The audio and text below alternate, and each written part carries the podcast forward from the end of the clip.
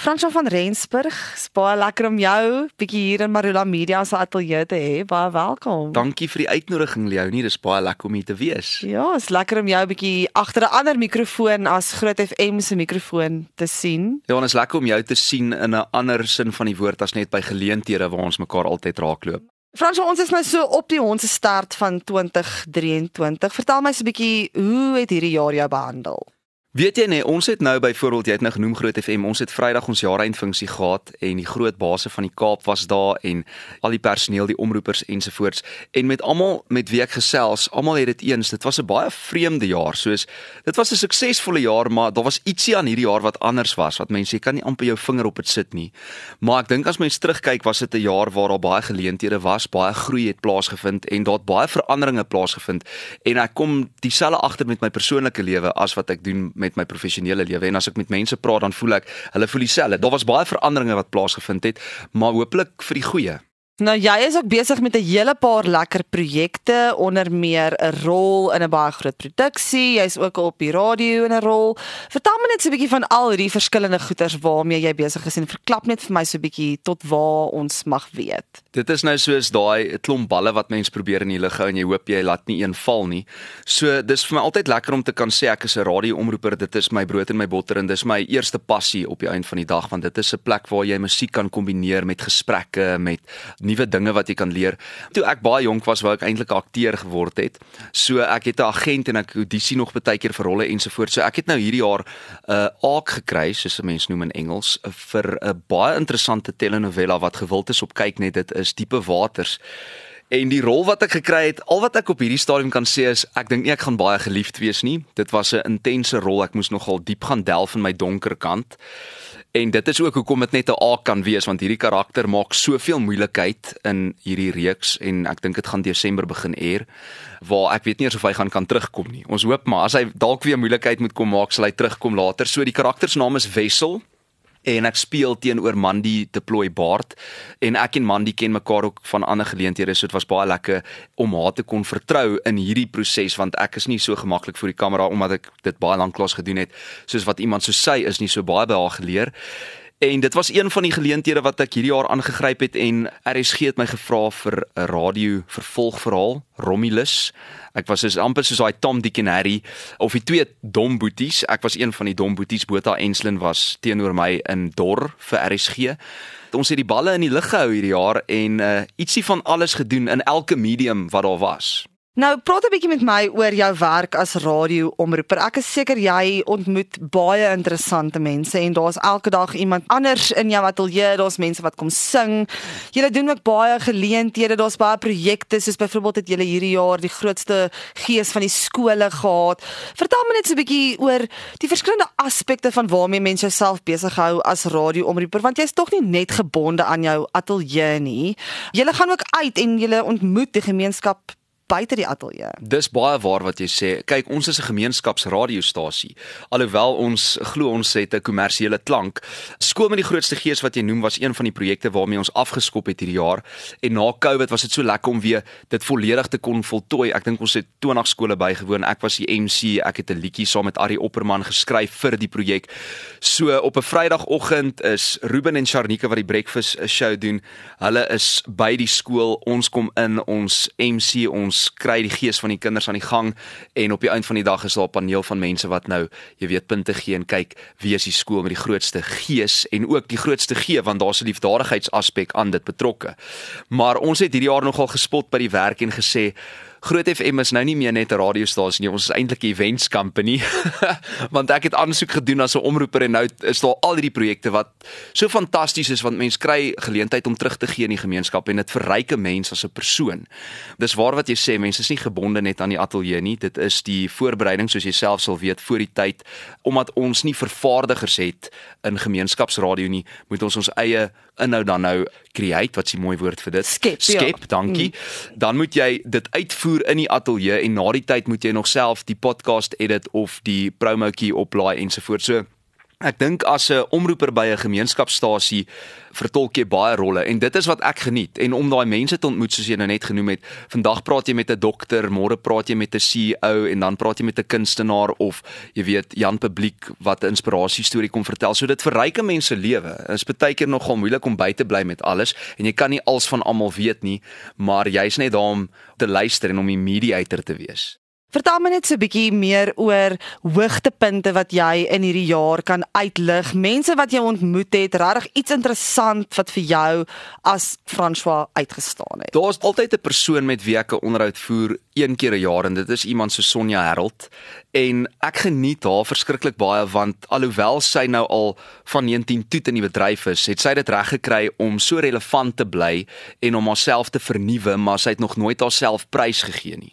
So as ek kyk na soos elke jaar wat verbygaan, daar's sekere onderhoude wat vir my uitspring en wat vir my uitstaan en wat my persoonlik ook inspireer en dit is elke keer Sonja Herold. Elke einde van jaar dan dink ek terug en dink ek soos daai se naam wat vir my uitskiet.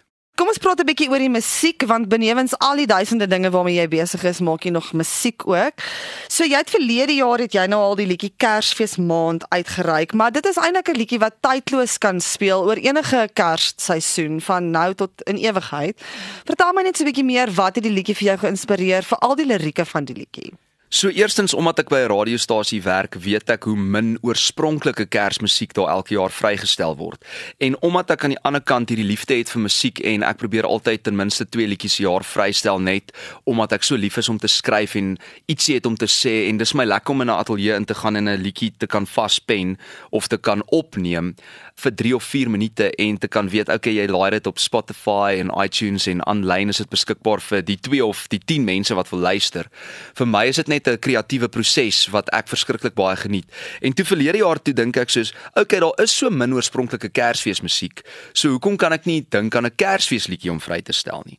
En hopelik kan hy elke jaar soos wat Mariah Carey, jy weet, al haar miljoene elke maand maak net uit haar Kersmusiek uit, kan hierdie liedjie dalk elke jaar relevant wees vir iemand in Afrikaans. Die plan is eintlik net dat die liedjie relevant sal kan bly en ag, soos tegnologie verander kan mense dalk later weer heropneem oor 'n paar jaar, maar die boodskap bly dieselfde dieselfde. Praat 'n bietjie met my oor die musiekvideo. Daar's ook 'n baie mooi video wat jy gemaak het, ook al vir hierdie jaar vir die liedjie spesifiek. Praat 'n bietjie met my oor die konsep. Daar's 'n lekker vuurtjie wat brand. Jy so in die veld. Vertel my so 'n bietjie net meer van hoe dit lyk ek het een van die kameramanne daai tyd by die groot ontbyt Mike ontmoet en ek het vir hom gesê hoorie ek het soos R250 budget kan ons 'n musiekvideo skiet vir die liedjie want ek weet mense is deesdae so visueel ingestel. Maar dit is die begrotings waarmee onafhanklike kunstenaars R250 werk is ja. R250. Miskien R3 as jy gelukkig. Ja, borge welkom. Ja. Maar ek het vir Mike betaal. Ek het hom net baie min betaal en sy ouers ja, Mike. Sy ouers het 'n baie mooi huis daar in Harties en het hy gesê ons kan sommer daar gaan skiet. En dit was net ek en hy. Ons het die een middag deurgery. Ons het in die middag jy weet sommer net bietjie rondgeloop daar in die natuur. En ons het gesê ons hou dit eenvoudig. Die lirieke moet maar die storie vertel. En toe die aand toe maak ons hierdie bonfire. En toe gaan sit ek daar en hy het sy beligting opgestel. Ons het self daai liggies wat jy sal sien in die agterkant van die boom met ons ons het daar opgeklim amper ons nek gebreek die liggies gehang. En net ietsie geskiet wat eenvoudig is maar wat uh, jy weet 'n visuele aspek kan gee aan daai Kersfeesgevoel Vertel vir my waar kan mense die liedjie kry? Die liedjie is aanlyn Spotify, iTunes, dit is letterlik oral beskikbaar, YouTube Music en dan die musiekvideo is ook op YouTube gelaai. So gaan kyk hom. Ek's baie dankbaar om te sien iemand het hom op daai Kersfees musiek playlist gesit want ek weet deesdae is dit nogal baie belangrik om op 'n playlist te kan kom. So ek het nou nie 'n platenmaatskappy of iemand wat my in daai rigting ingedruk het of vir my gesê het, "Oké, okay, hier is die playlist wat ons gaan pitch vir jou nie," maar ek sien iemand het hom opgetel en hooplik is daar nog 'n paar speellyste wat Kersfees maand gaan feature feature op hulle speellys hierdie Desember. En as mense met jou wil kontak maak oor vertonings of enigiets anders, met wie moet hulle kontak maak? Mense kan net 'n e-pos stuur na info@pascalimedia.co.za. Hierdie was 'n wille jaar, maar jy was steeds daar. Deur die ken, deur dan het jy by my gestaan.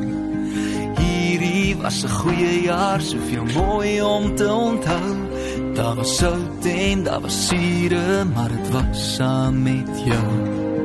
Wille jaar, Kersfees maand, Kersfees maand, wille jaar. wees maand, mooiste aand. Die liggies flikker buite, maar jy bly binne my hart.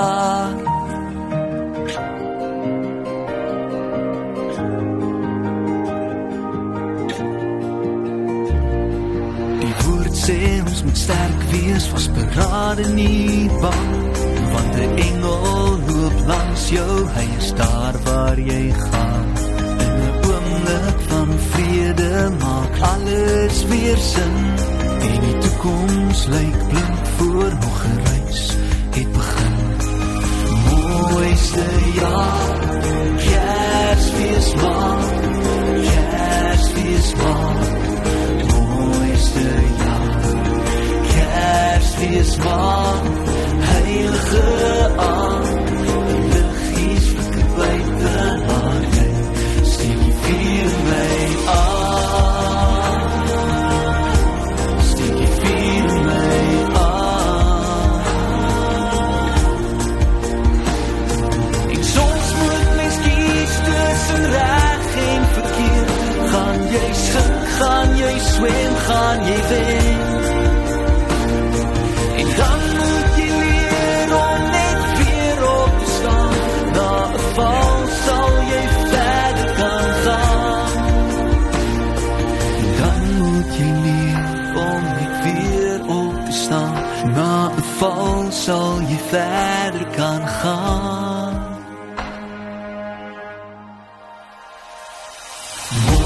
Mooiste jaar Kersfees maand Kersfees maand mooiste jaar. Kersfees maand heilige aand die liggies flikker buite maar jy steek die vuur in my aan